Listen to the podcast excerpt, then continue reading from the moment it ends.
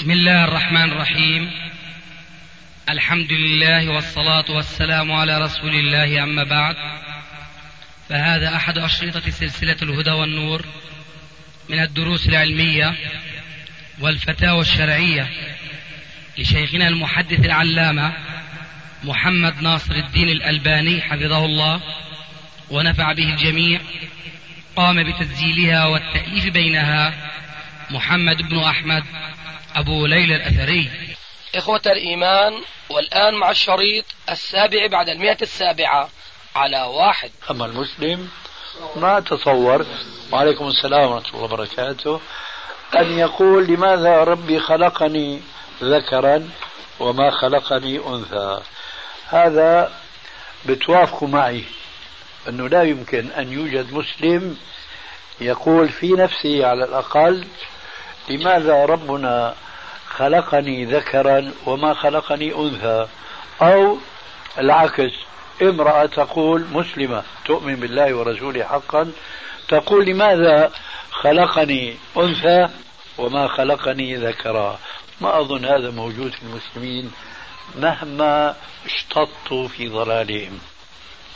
لكن انظروا الآن ألا يوجد في الرجال من يقول لماذا ربنا خلق لي لحية؟ أنا أجيبكم. أما أن يقول بلسانه كما أقول أنا الآن لماذا الله خلق لي اللحية لا ما يقولون هكذا. لكن انتبهوا لسان الحال أنطق من لسان المقال. ربنا يمد في عمركم. ما يقول إنسان أبدا أنه ليش ربي خلق لي لحية؟ مو أحلى لي أنه يكون أنا وجهي أمرد مثل المرأة وأكون أجمل.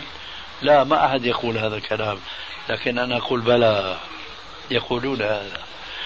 لا كيف؟ ما ما أحد يقول صحيح. باللفظ لا لكن لسان الحال أنطق من لسان المقال. هذا الشاب الذي ابتلي بحلق اللحية. إذا جاء العيد الأسبوعي الجمعة. فضلا عن العيد السنوي عيد الفطر أو عيد الأضحى. إذا أراد أن يتزين ماذا يفعل؟ بيحلي لحيته يقف أمام المرآة إذا كان رجل عنده شيء من الاقتصاد أو الفقر بدل ما يروح عند الحلاق أو اللي بيسموه مزين يدفع له دينار أو أقل أو أكثر يقف أمام المرآة وبيأخذ الشفرة. بيكشطها وبيرميها أرضا. ترى هذا مؤمن بأنه هذا خلق الله وهذا حسن. أنا لا أصدق. أنتم بتصدقوا كيفكم؟ أنا لا أصدق أن أي مسلم يمكن أن يرضى بخلق الله عز وجل. جعله أبو لحية وبعدين هو بيجي بيرميها أرضها إلا في حالة واحدة. إما يكون مغفل مغفل مجذوب مجنون رفع القلم عنه والأخرى ولعل أهون لكن أحلاهما مروا. الأخرى أن يكون جاهل. ما بيعرف حكم الإسلام في اللحية.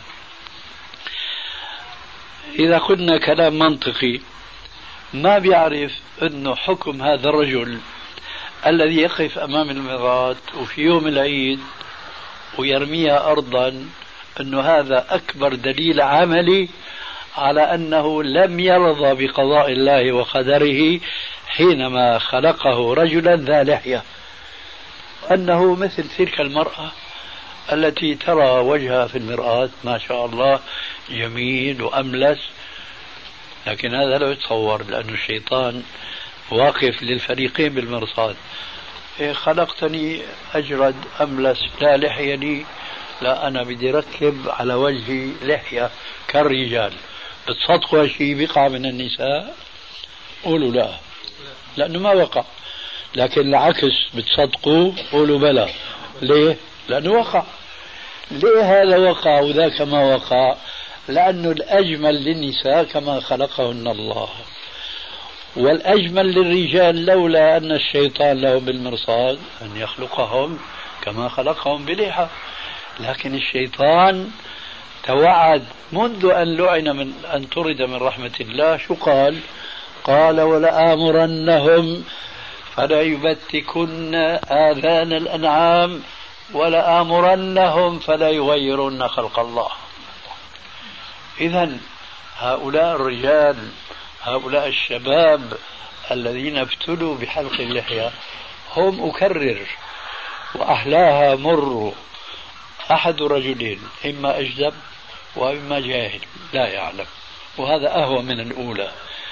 لكنه إذا علم سمع هذه الآية الشيطان يتوعد عدوه الإنسان بقوله أمام ربه متحديا إرادة الله وشريعة الله ولآمرنهم فليبتكن آذان الأنعام ولآمرنهم فليغيرن خلق الله. إذا الذي يغير خلق الله ويحلق لحيته. هذا بلا شك بنص القرآن مطيع للشيطان وهو في الوقت نفسه عاص للرحمن. والنتيجة الحصيلة ما هي؟ مطرود من رحمة الله كما طرد الشيطان الرجيم. حينما أمره ربنا عز وجل بأن يسجد لآدم قال أسجد لمن خلقت طينا استعمل عقله والآن هؤلاء الذين ابتلوا بحلق لها والمسلمين أكثرهم هكذا يفعلون. ابتلوا بمثل ما ابتلي الشيطان. حينما عارض أمر الرحمن أن يسجد للإنسان الأول قال أسجد لمن خلقت طينا. أو حافظ على هذه اللحية وهذه اللحية ما هي جميلة؟ ما بتصدقوا هذا كلام كل المبتلين. صحيح ما يقولونه بألسنتهم لكنهم يقولونه بفعلهم ولسان الحال أنطق من لسان المقال. لما يقف أمام المرآة بده يروح يقابل وزير ولحيته شوي طويلة. بيحلقها. لما بده يعيد بيحلقها. الله أكبر. إمتى بربيها؟ إذا أصيب بمصيبة إذا مات أبوه أو حبيب له أو إلى آخره بيعفي عن لحيته. انعكست المفاهيم تماما. الذي جعله الله عز وجل زينة للرجال أصبح قباحة للرجال فيحلقون. والدليل على ذلك أنه هو حزين الآن لأنه أصيب بمصيبة فهو يعلن عن مصيبته بمعصيته لربه دائما وأبدا يحلق. فإذا جاءت مصيبة طارئة كالموت يعفي عن لحيته. هذا لسان حال آخر وهو أن هذه اللحية لا تعفى إلا عند المصائب. فإذا أنتم الذين هداكم الله عز وجل وعفيتم عن اللحى معناه أنتم في مصيبة تعيشون في منطق أولئك الناس. هذا الحقيقة من من أدهى وأمر ما يصاب به المجتمع الإسلامي من الانحراف عن دينه. من حيث يعلمون أو من حيث لا يعلمون وأحلاهما مروا ولعل في هذا القدر كفاية يمكن صار وقت الصلاة أليس كذلك؟ يا الله بسم الله ما في مانع هذا من باب القذارة والوساخة التي تتجمع في الأذن ما في مانع من أخذه يعني؟ من إيش؟ من أخذه؟ نعم ما في مانع ما في مانع لأنه هذا أنا فاتني وخطر بالي هذا ليس من اللحية. أين بخلاف هذا. أين؟ اللحية وين؟ هذا. الذقن الذقن شوف. العظم العظم. هذا العظم تحت العظم. وين بينتهي العظم؟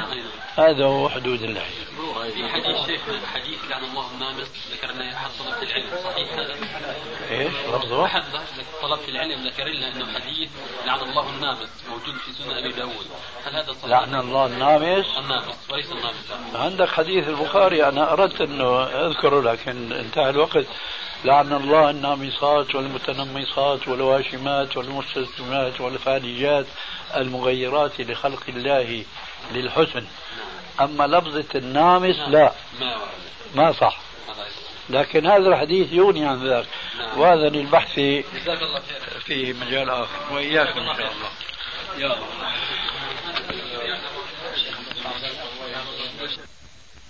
إخوة الإيمان والآن مع مجلس آخر. كنت شرعت في كلمة ونحن خارجون من صلاة المغرب مع الأخ أبو أبو لؤي. حيث صلى بنا صلاة العصر وجزاه الله خيرا.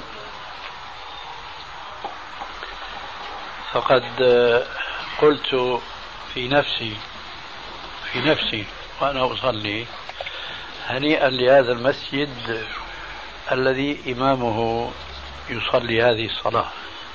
لكن بمقدار ما فرحت أسفت لأنني علمت أنه ليس إماما في المسجد. أكذلك؟ نعم وعليكم السلام ورحمة الله وبركاته.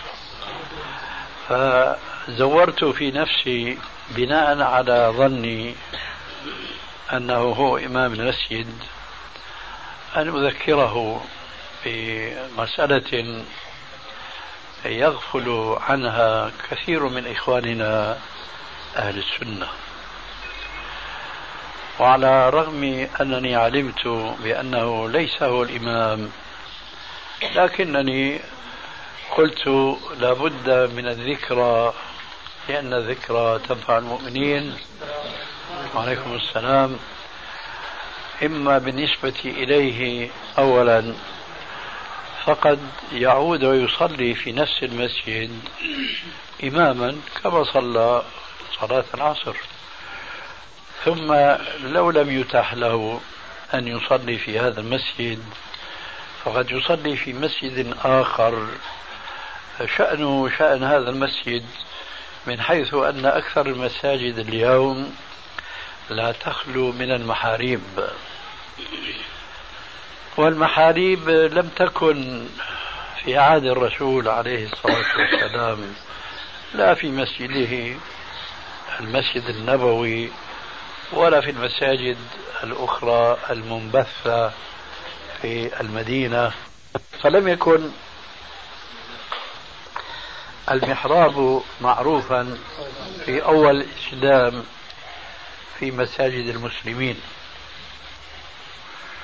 ولكن المسلمين مع الأسف الشديد فيما بعد بدأوا يتأثرون ببعض العادات التي عرف بها النصارى وانتشر واشتهروا بها.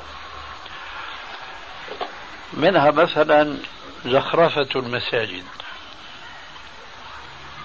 كما قال ابن عباس بعد أن روى قول النبي صلى الله عليه وآله وسلم ما أمرت بتشييد المساجد. قال ابن عباس قال رسول الله صلى الله عليه وآله وسلم ما أمرت بتشييد المساجد. أي برفع بنيانها وتشييدها وزخرفتها. ولذلك عقب ابن عباس رضي الله تعالى عنه على هذا الحديث المرفوع إلى النبي صلى الله عليه وآله وسلم فقال لا تزخرفنها كما زخرفت اليهود والنصارى. لا تزخرفنها كما زخرفت اليهود والنصارى. فزخرفة المساجد بدأت تذر قرنها في العهد الأول. ولذلك لما بدا لعمر بن الخطاب رضي الله تعالى عنه أن يوسع المسجد النبوي. قال للمشرف على البنيان للزيادة العمرية قال أكن الناس من الحر والقر ولا تحمر ولا تصفر. يعني أبعد عن الزخرف بالدهان الأحمر والأصفر واقتصر من البنيان على ما يدفع الحر والقر عن المصلين. الشاهد أن هذه الزخارف هي مما جرى عليها النصارى وسرت العدوى عدواها إلى النبي صلى الله عليه وسلم. تضاموا يا أخوانا تضاموا قدم لعندي. أيوة. وعليكم السلام ورحمة الله وبركاته. وعليكم السلام ورحمة الله وبركاته.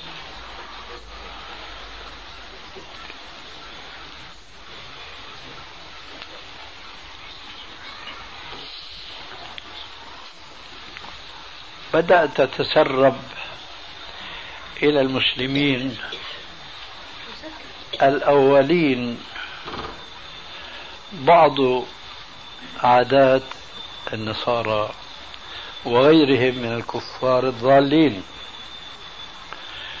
ولذلك انتبه لمثل هذا التسرب عمر بن الخطاب الذي سماه بحق رسول الله صلى الله عليه وآله وسلم بالفاروق وأخبر بقوله عليه السلام عن هذه الحقيقة يا ابن الخطاب ما سلكت فجا إلا سلك الشيطان فجا غير فجك.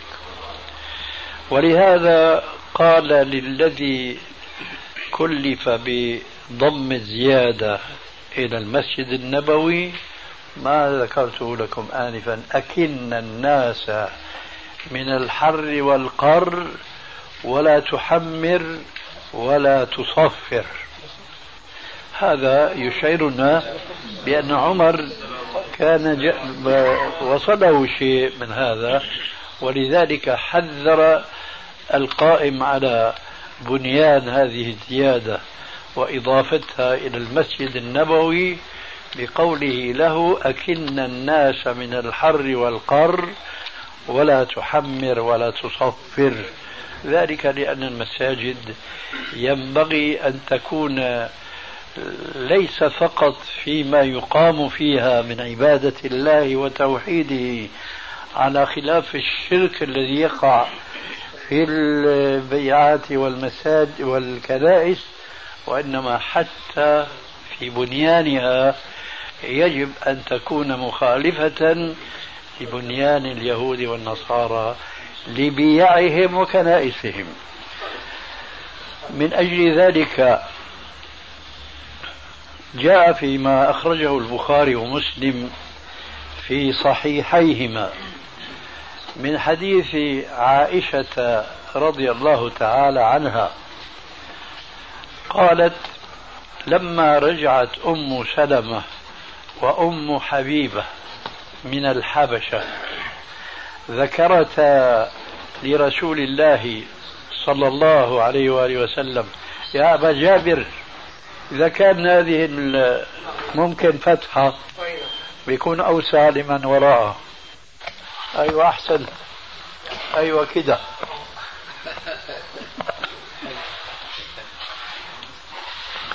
قالت عائشة رضي الله تعالى عنها لما رجعت أم سلمة وأم حبيبة من الحبشة تعني كانتا من المهاجرات من ظلم المشركين في المدينة لأصحاب النبي صلى الله عليه وسلم نساء ورجالا. قالت لما رجعت من الحبشة ذكرتا لرسول الله صلى الله عليه وآله وسلم كنيسة رأتاها في الحبشة وذكرتا هنا الشاهد. وذكرتا من حسن وتصاوير فيها.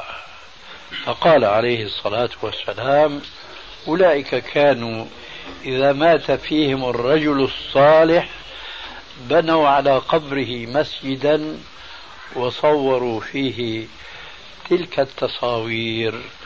أولئك شرار الخلق عند الله تعالى يوم القيامة.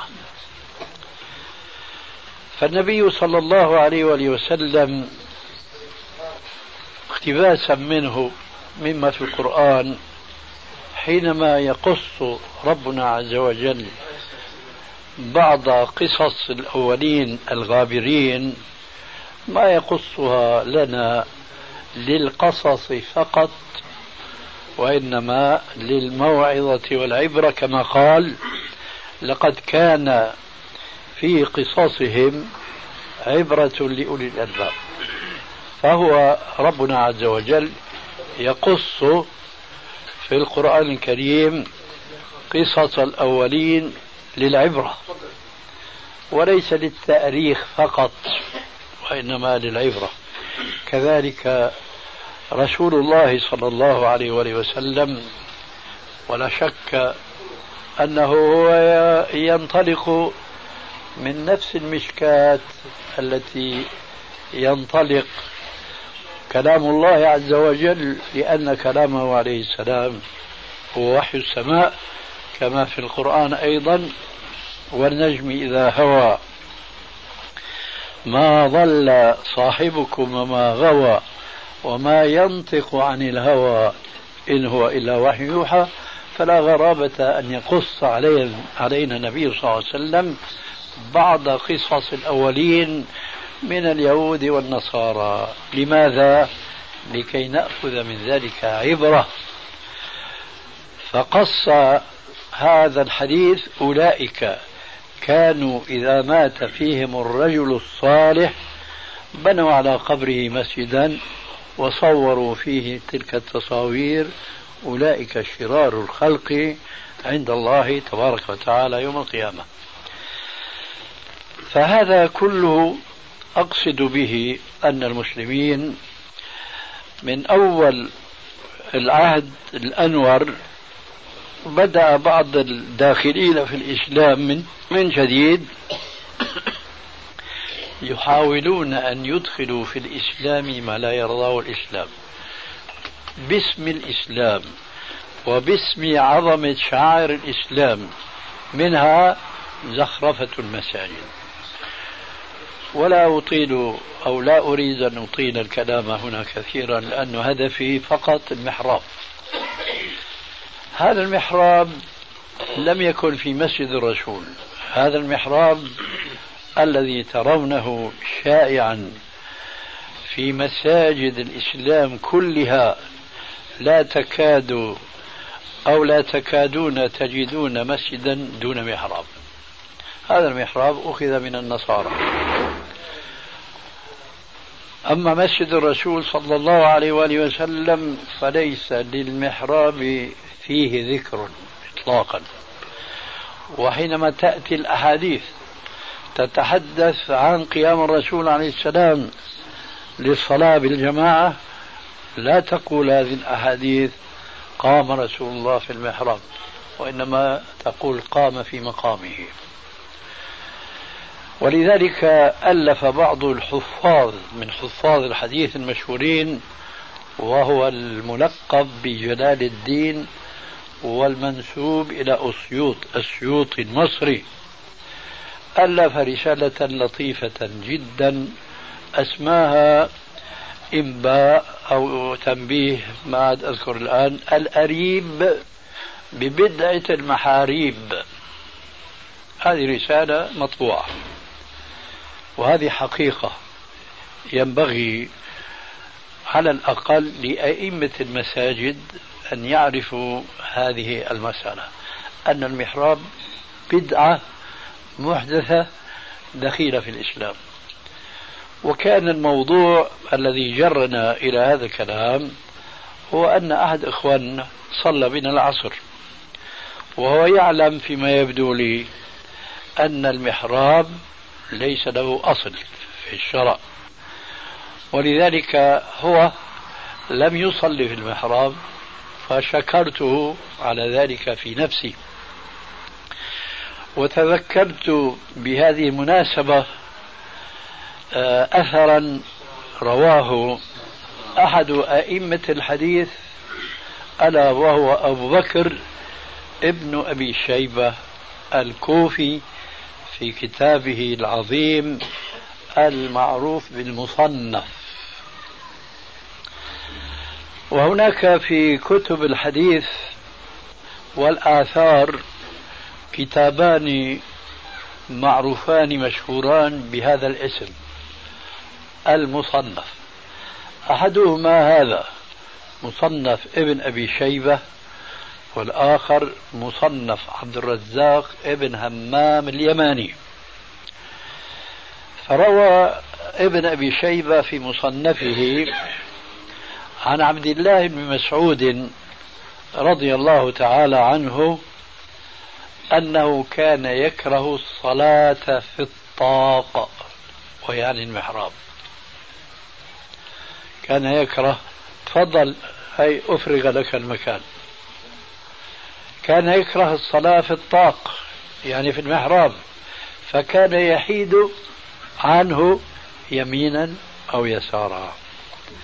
وهذه سنة طيبة من ابن مسعود رضي الله تعالى عنه الذي كان من أكبر فقهاء الصحابة رضي الله عنهم جميعا والذي قام على فقهه مذهب أبي حنيفة النعمان بن ثابت أكثر فقهه أخذه ليس عن ابن مسعود مباشرة لأنه هو لم يدرك ابن مسعود وإنما عن أصحابه وتلامذته المعروفين مثل علقمة ومثل عبد الرحمن بن يزيد بن الأسود ونحوهم.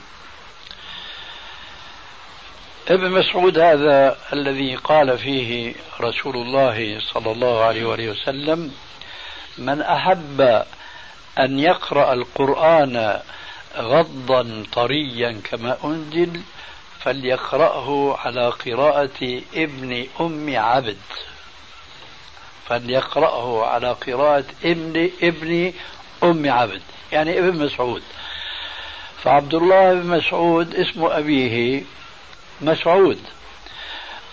أما الأم فالرسول يكني عنها فيقول أم عبد الله بن مسعود فيقول في الحديث فليقرأه على قراءة ابن ابن ابن إيش؟ أم عبد.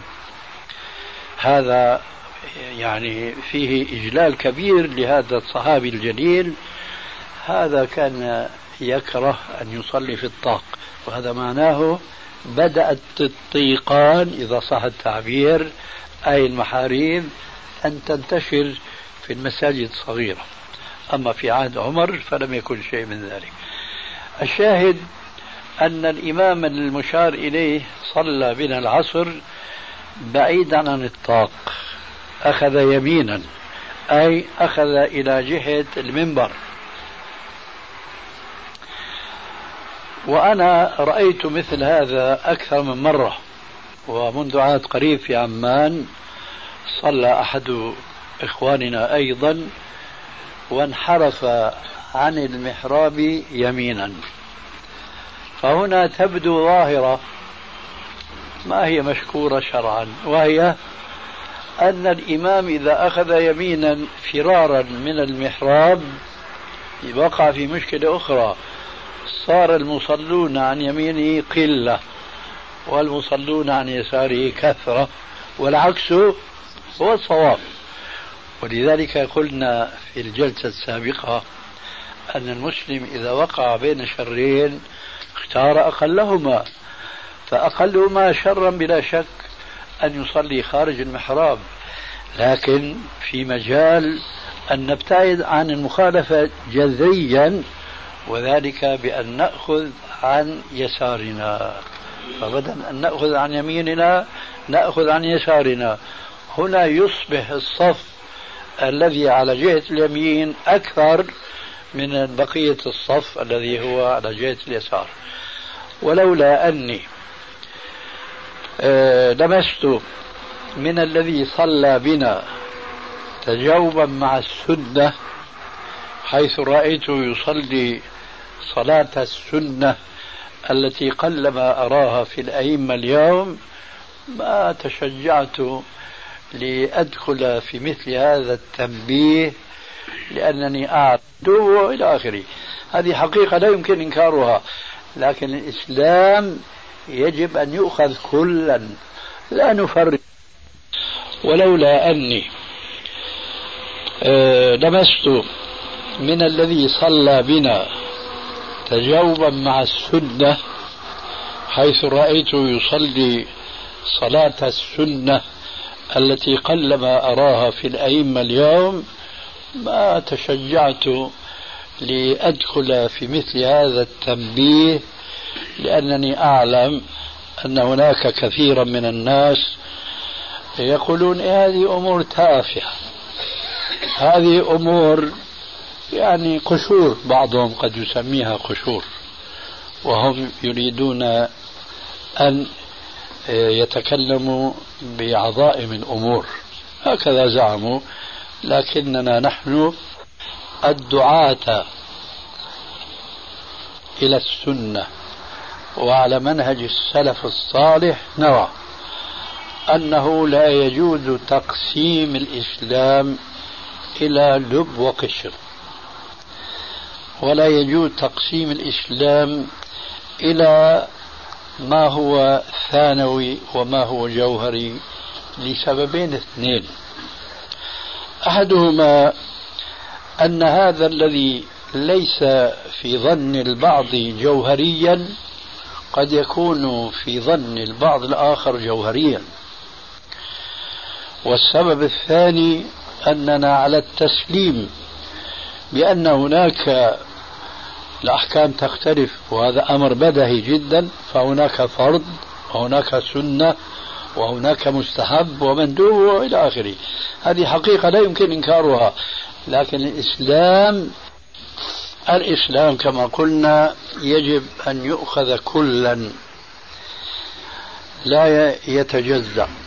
ثم كل مسلم يأخذ منه حسب طاقته نشاطه رغبته في التقرب إلى الله ربه تبارك وتعالى.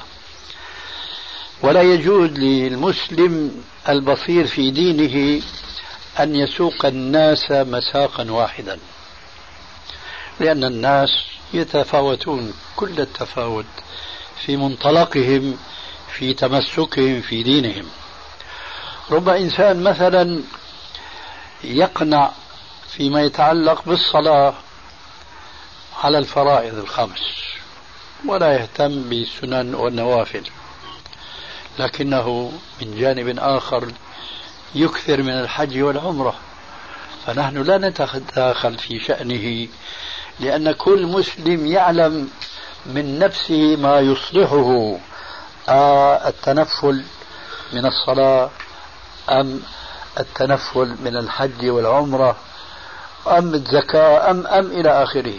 وإنما نحن علينا البيان وعلى الآخرين أن يأخذ كل منهم ما يتناسب مع وضعه مع نفسه مع ما إلى آخره. فأنا الآن أقول بالنسبة لتقسيم الصلوات إلى فريضة ونافلة لا ننكر هذا التقسيم.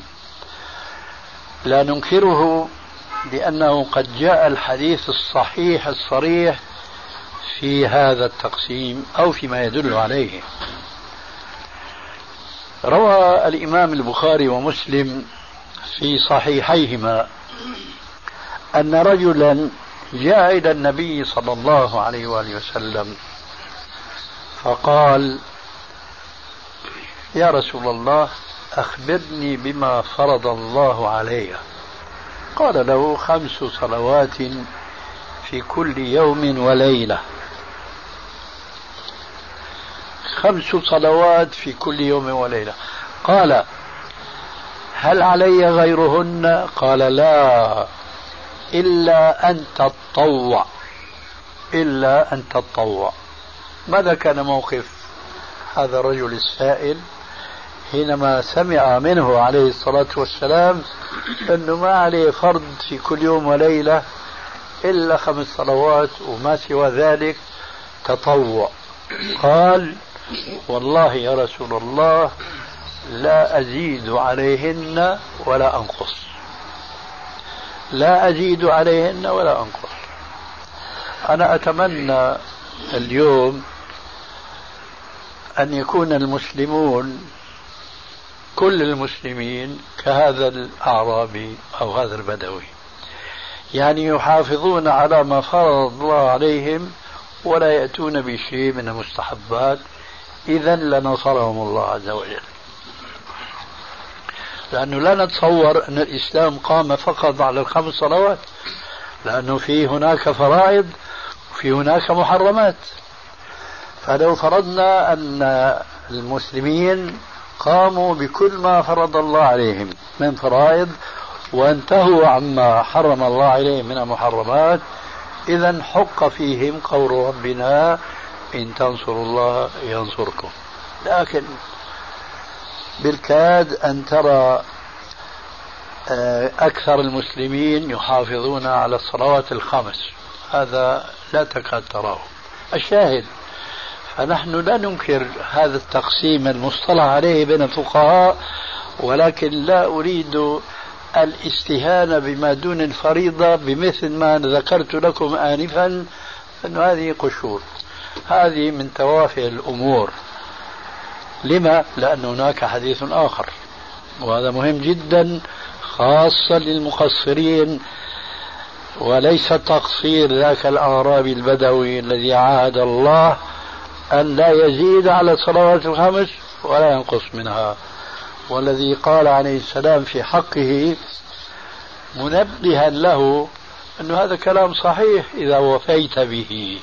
فقال عليه السلام لأصحابه أفلح الرجل إن صدق دخل الجنة إن صدق. إن صدق وقد لا يصدق. فنحن نقول لكثير من الناس شبابا وكهولا بل ومع الأسف شيوخا قد لا يصلون وإن صلوا فقد يقصرون ويخلون. اسمعوا الحديث التالي. قال عليه الصلاة والسلام أول ما يحاسب العبد يوم القيامة الصلاة فإن تمت فقد أفلح وأنجح. وإن نقصت فقد خاب وخسر.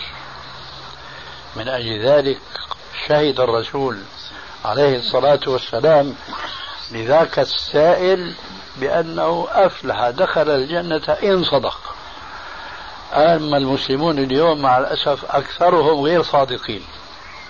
حينما يؤدون الصلوات الخمس فأكثرهم من المقصرين. وليس فقط أكثرهم من المقصرين في المحافظة على أداء الصلوات في أوقاتها ليس هذا فقط بل تجد الذين يحافظون على هذه الصلوات في أوقاتها يكتفون على هذه المحافظة بينما ربنا عز وجل فرض عليهم محافظة أخرى. حيث قال لهم في القرآن الكريم وبين ذلك عليه الصلاة والسلام في الأحاديث الصحيحة الكثيرة فقال تبارك وتعالى وأقيموا الصلاة وآتوا الزكاة واركعوا مع الراكعين. اركعوا مع الراكعين يعني صلوها مع جماعة المسلمين يعني صلوها في المساجد لا تصلوها في بيوتكم تكونون كالنساء. النساء قال عليه الصلاة والسلام في حقهن إذنوا للنساء بالخروج إلى المساجد في الليل قال في حديث آخر وبيوتهن خير لهن فإذا من الذي يصلي في البيت؟ الجنس اللي بتسموه اليوم الجنس اللطيف. وهل سماه الرسول عليه السلام بالقوارير. الرجال ما هن جنس لطيف ولا هن قوارير. فإذا ينبغي أن لا يتشبه الرجال بالنساء ليس فقط في المظهر بل وفي المخبر وفي العمل. فالنساء بيوتهن خير لهن. أما الرجال فمساجدهم خير لهم. لذلك قال تعالى ليس في الآية المذكورة آنفا تكرار كما يظن بعض الغافلين حينما قال وأقيموا الصلاة وآتوا الزكاة واركعوا مع الراكعين هذا ليس فيه تكرار. إنما في الطرف الأول من الآية فيه أمر بأداء الصلاة وإحسان أدائها بقوله أقيموا. أما في الفقرة الثالثة والأخيرة من الآية حينما قال واركعوا مع الراكعين في إنشاء حكم جديد وهو كأن الله عز وجل يقول وهذا مراد يقينا أقيموا الصلاة أحسنوا أداءها ولا تكونون محسنين لأدائها إلا إذا أديتم أديتموها مع الجماعة في المساجد.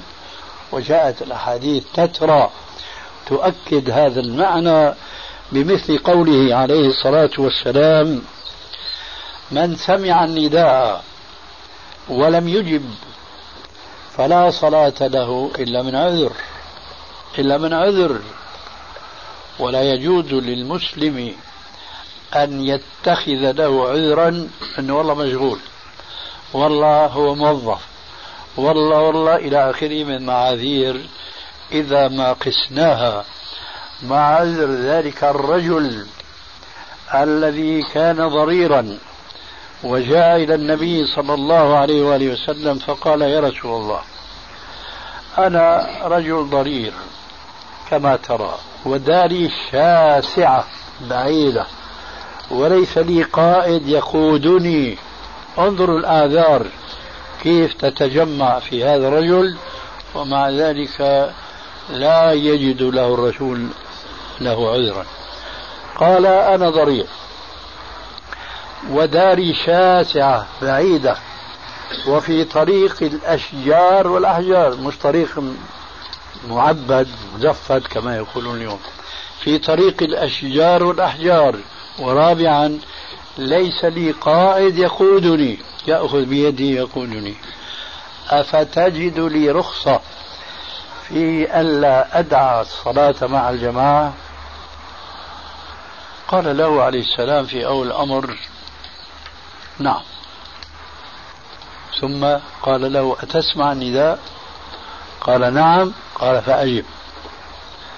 أيها الضرير الذي دارك شاسعة وليس وفي طريقك الأشجار والأحجار وليس لك من يقودك إلى المسجد إذا سمعت الأذان فلا عذر لك في عدم الحضور. فانظروا اليوم المسلمون أكثرهم عمي ولا مبصرون. هم مبصرون لكنهم عمي. لماذا؟ لأنهم لا يستجيبون لأمر الله ولا لأمر رسول الله صلى الله عليه وآله وسلم.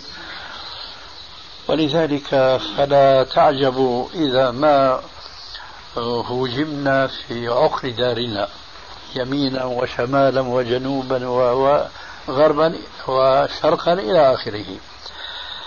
هذه كلمة حول تلك النصيحة التي خلاصتها أن الصلاة الإمام يقف في منتصف الصف ولا يقف يمينا ولا يسارا وإنما يوازن بين اليمنى واليسرى.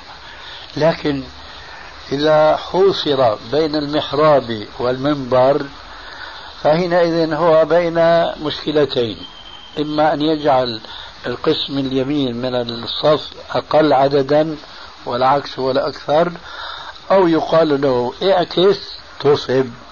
يعني قف عن يسارك بعيدا عن المنبر وبذلك تجمع بين دفع المفسدة وهو الوقوف في المحراب وبين جلب المصلحة وهو جعل الصف الأيمن أو القسم الأيمن أكثر من من القسم الأيسر. هذا جواب السؤال السابق. نعم. دقيقة أتوقف. دجال مشان السماعة. يا رب. وإلى آخره. هذا القسم الأخير رسول الله صلى الله عليه وسلم تركه كما جاء في القرآن لأن المقصود مما جاء في القرآن متعلقا بهذا القسم هو الدلالة على واسع قدرة الله عز وجل وحكمته وعظمة قدرته. أما ما يتعلق بالعقائد وبالأحكام وبالسلوك فقد بين ذلك بيانا شافعا.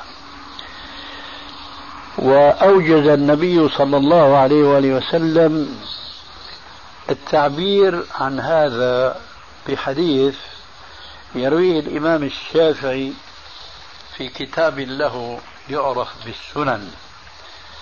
فقال بإسناده قال رسول الله صلى الله عليه وآله وسلم ما تركت شيئا يقربكم إلى الله إلا وأمرتكم به. وما تركت شيئا يبعدكم عن الله ويقربكم إلى النار إلا ونهيتكم عنه. وهذا بلا شك لو لم يكن هذا الحديث واردا في بعض كتب الأئمة كما ذكرت آنفا لكفانا قوله تبارك وتعالى وأنزلنا إليك الذكر لتبين للناس ما نزل إليهم. لتبين للناس ما نزل إليهم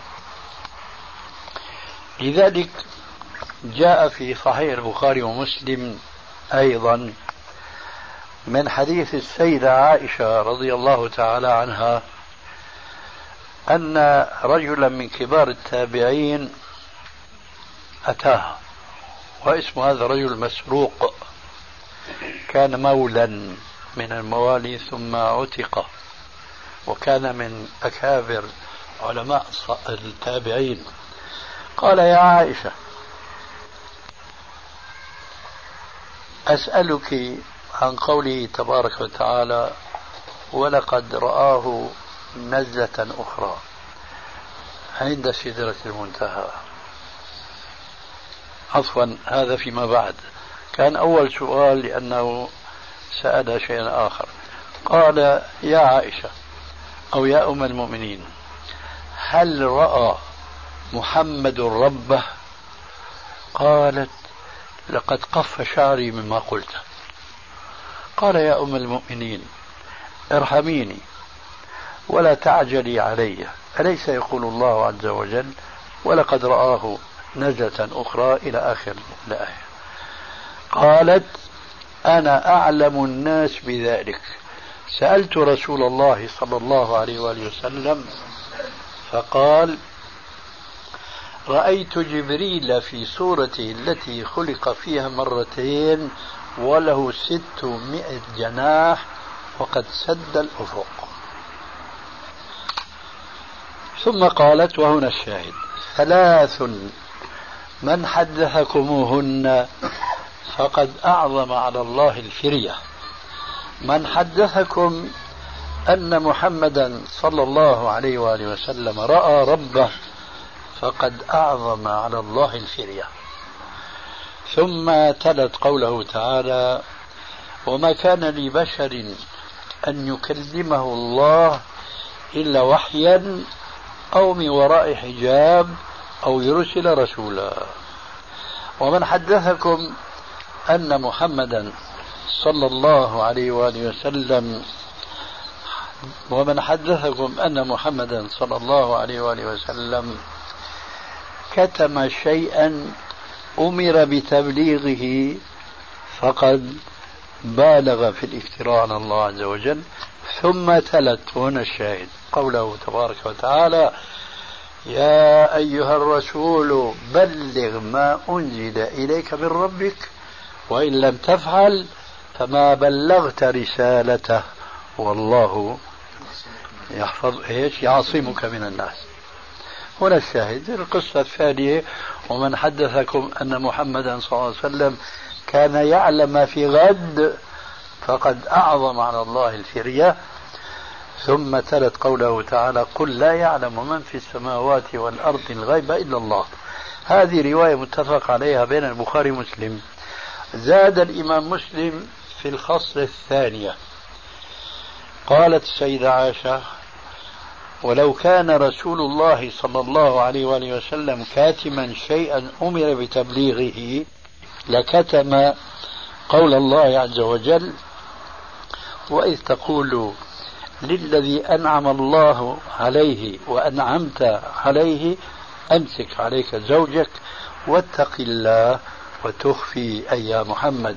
وتخفي في نفسك ما الله مبديه وتخشى الناس والله أحق أن تخشاه فإذا ضممنا إلى الآية التي استدلت بها السيدة عائشة بلغ ما أنزل إليك من ربك. إلى حديث الذي ذكرناه آنفا ما تركت شيئا يقربكم إلى الله إلا وأمرتكم به وأشياء أخرى وأخرى وكثيرة جدا.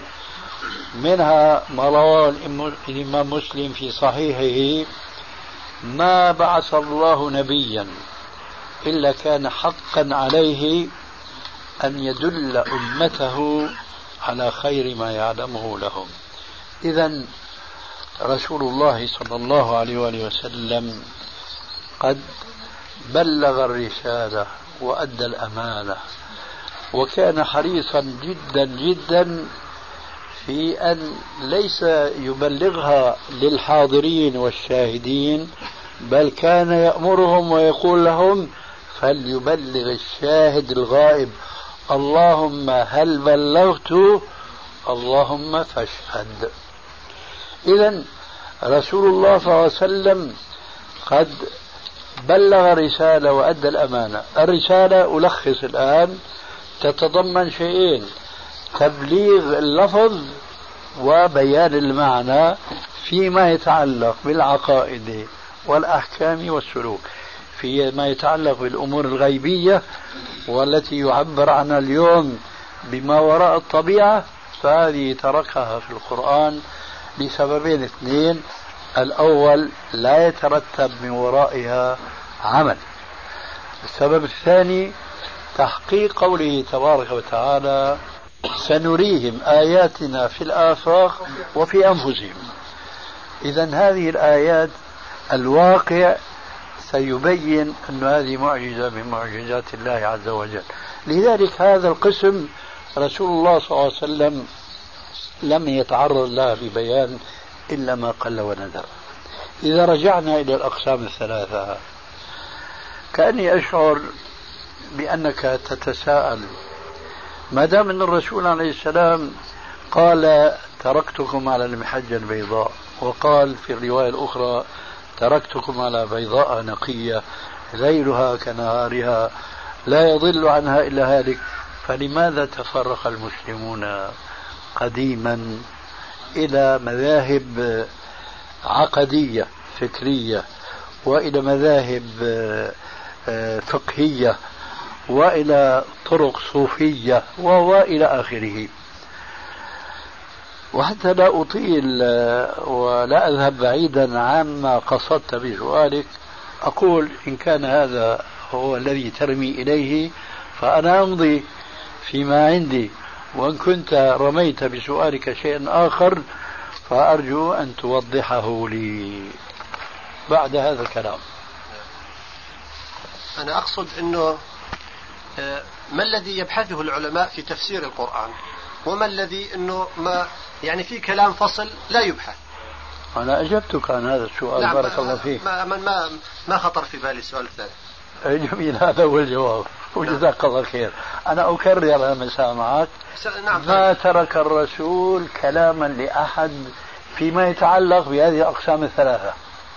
نعم. بالعقيدة في الأحكام في السلوك.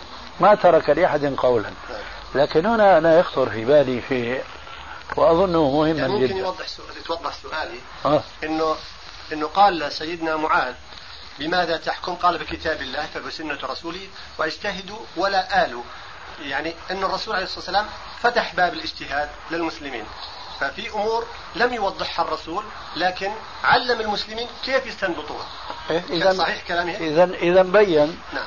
إذا بتسألني صحيح ولا لا بقول لك مو صحيح وبقول لك صحيح. ما هي بدها شرح.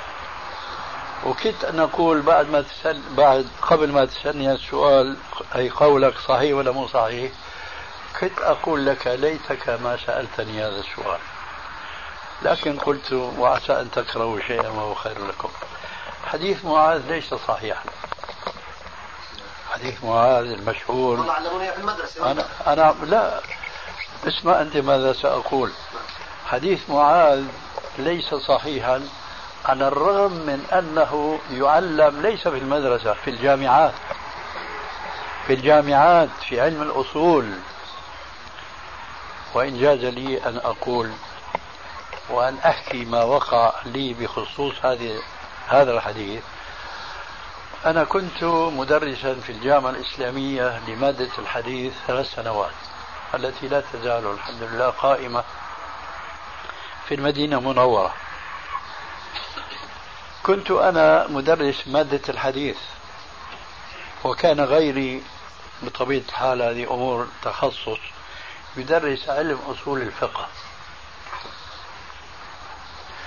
وسبحان الله علم الحديث يطغى على كل العلوم علم التفسير لابد ما يرجع للحديث. علم أصول الفقه لابد ما يرجع للحديث. علم أصول الحديث مرجع الحديث إلى آخره. لذلك فكانت هناك ظاهرة في هذه الجامعة أن الطلاب كلما سمعوا درسا من التفسير أو الحديث أو الفقه رجعوا إلى مختص في علم الحديث. مما وقع جاءني أحد الطلاب قال لي اليوم كان عندنا درس في علم الأصول والأستاذ بحث معنا في القياس وهل هو من الأدلة الأربعة كما هو معروف في علم أصول الفقه الكتاب والسنة والإجماع والقياس. واستدل بحديث معاذ الذي ذكرته آنفا. شو علمك يا أستاذ في الحديث؟ قلت له هذا حديث ليس فقط ضعيف بل هو حديث منكر. وسأعود إلى هذه الكلمة لكن أريد أذكر لكم العبرة. آه، الطالب هذا رجع فيما بعد إلى أستاذ مادة الأصول. قال له يا أستاذ أنت ذكرت لنا هذا الحديث وهذا الحديث سألنا أستاذ مادة الحديث فلان وإذا به يقول هذا حديث إسناده ضعيف ومتنه منكر.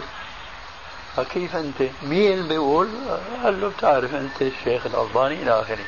الآن أنا أعود. هذا الحديث مذكور في أكثر كتب الأصول وفي الجامعات كلها يدرس هذا الحديث وهو حديث منكر بشهادة أمير المؤمنين في الحديث الإمام البخاري فضلا عن آخرين كانوا معاصرين له أو جاءوا بعده. كنت حصرت أسماءهم في كتاب لي اسمه سلسلة الأحاديث الضعيفة والموضوعة وأثرها السيء في الأمة في المجلد الثاني منه برقم 800 وزيادة. فجماعة الذين ضعفوا هذا الحديث من أئمة الحديث نحو خمسة عشر محدثا. كلهم اتفقوا على أن هذا الحديث ضعيف الإسناد في سنده جهالة. بعد ما أنا احتطت وعرفت بالاستناد إلى علم الحديث أن هذا الحديث لا يصح درست متنه فوجدته منكرا وهذا الذي أريد أن أبينه لكم الآن. انظروا الآن كيف ينزل هذا الحديث المنكر بحق ينزل السنة بالنسبة للقرآن منزلة القياس بالنسبة للسنة. أعني بإيجاز متى يقيس الإنسان؟ حينما لا يجد نصا في الكتاب ولا في السنة. أليس كذلك نص الحديث؟ طيب. طيب. متى يذهب إلى السنة؟ معنى الحديث إذا لم يجد الحكم في القرآن. وهذا خطأ فاحش جدا.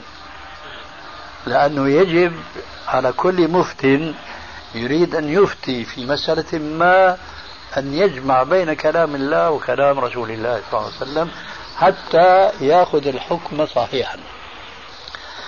وقد يخفى هذا الكلام على بعض الحاضرين فإليكم المثال. إخوة الإيمان تتمة الكلام في الشريط التالي. وقد يخفى هذا الكلام على بعض الحاضرين فإليكم المثال. لو أن مفتيا سئل ونفترض أن بضاعته في الحديث مزجاة قال له يا سيدي الشيخ أنا كنت في ساحل البحر فوجدت سمكة كبيرة جدا ميتة هل يجوز أكلها؟ قل له لا فايش الدليل؟ قال تعالى حرمت عليكم الميتة هاي القرآن صريح في ذلك فهل هذا الجواب صحيح؟ لا ليه؟ أحلت لكم ميتتان ها؟ لأنه في حديث الرسول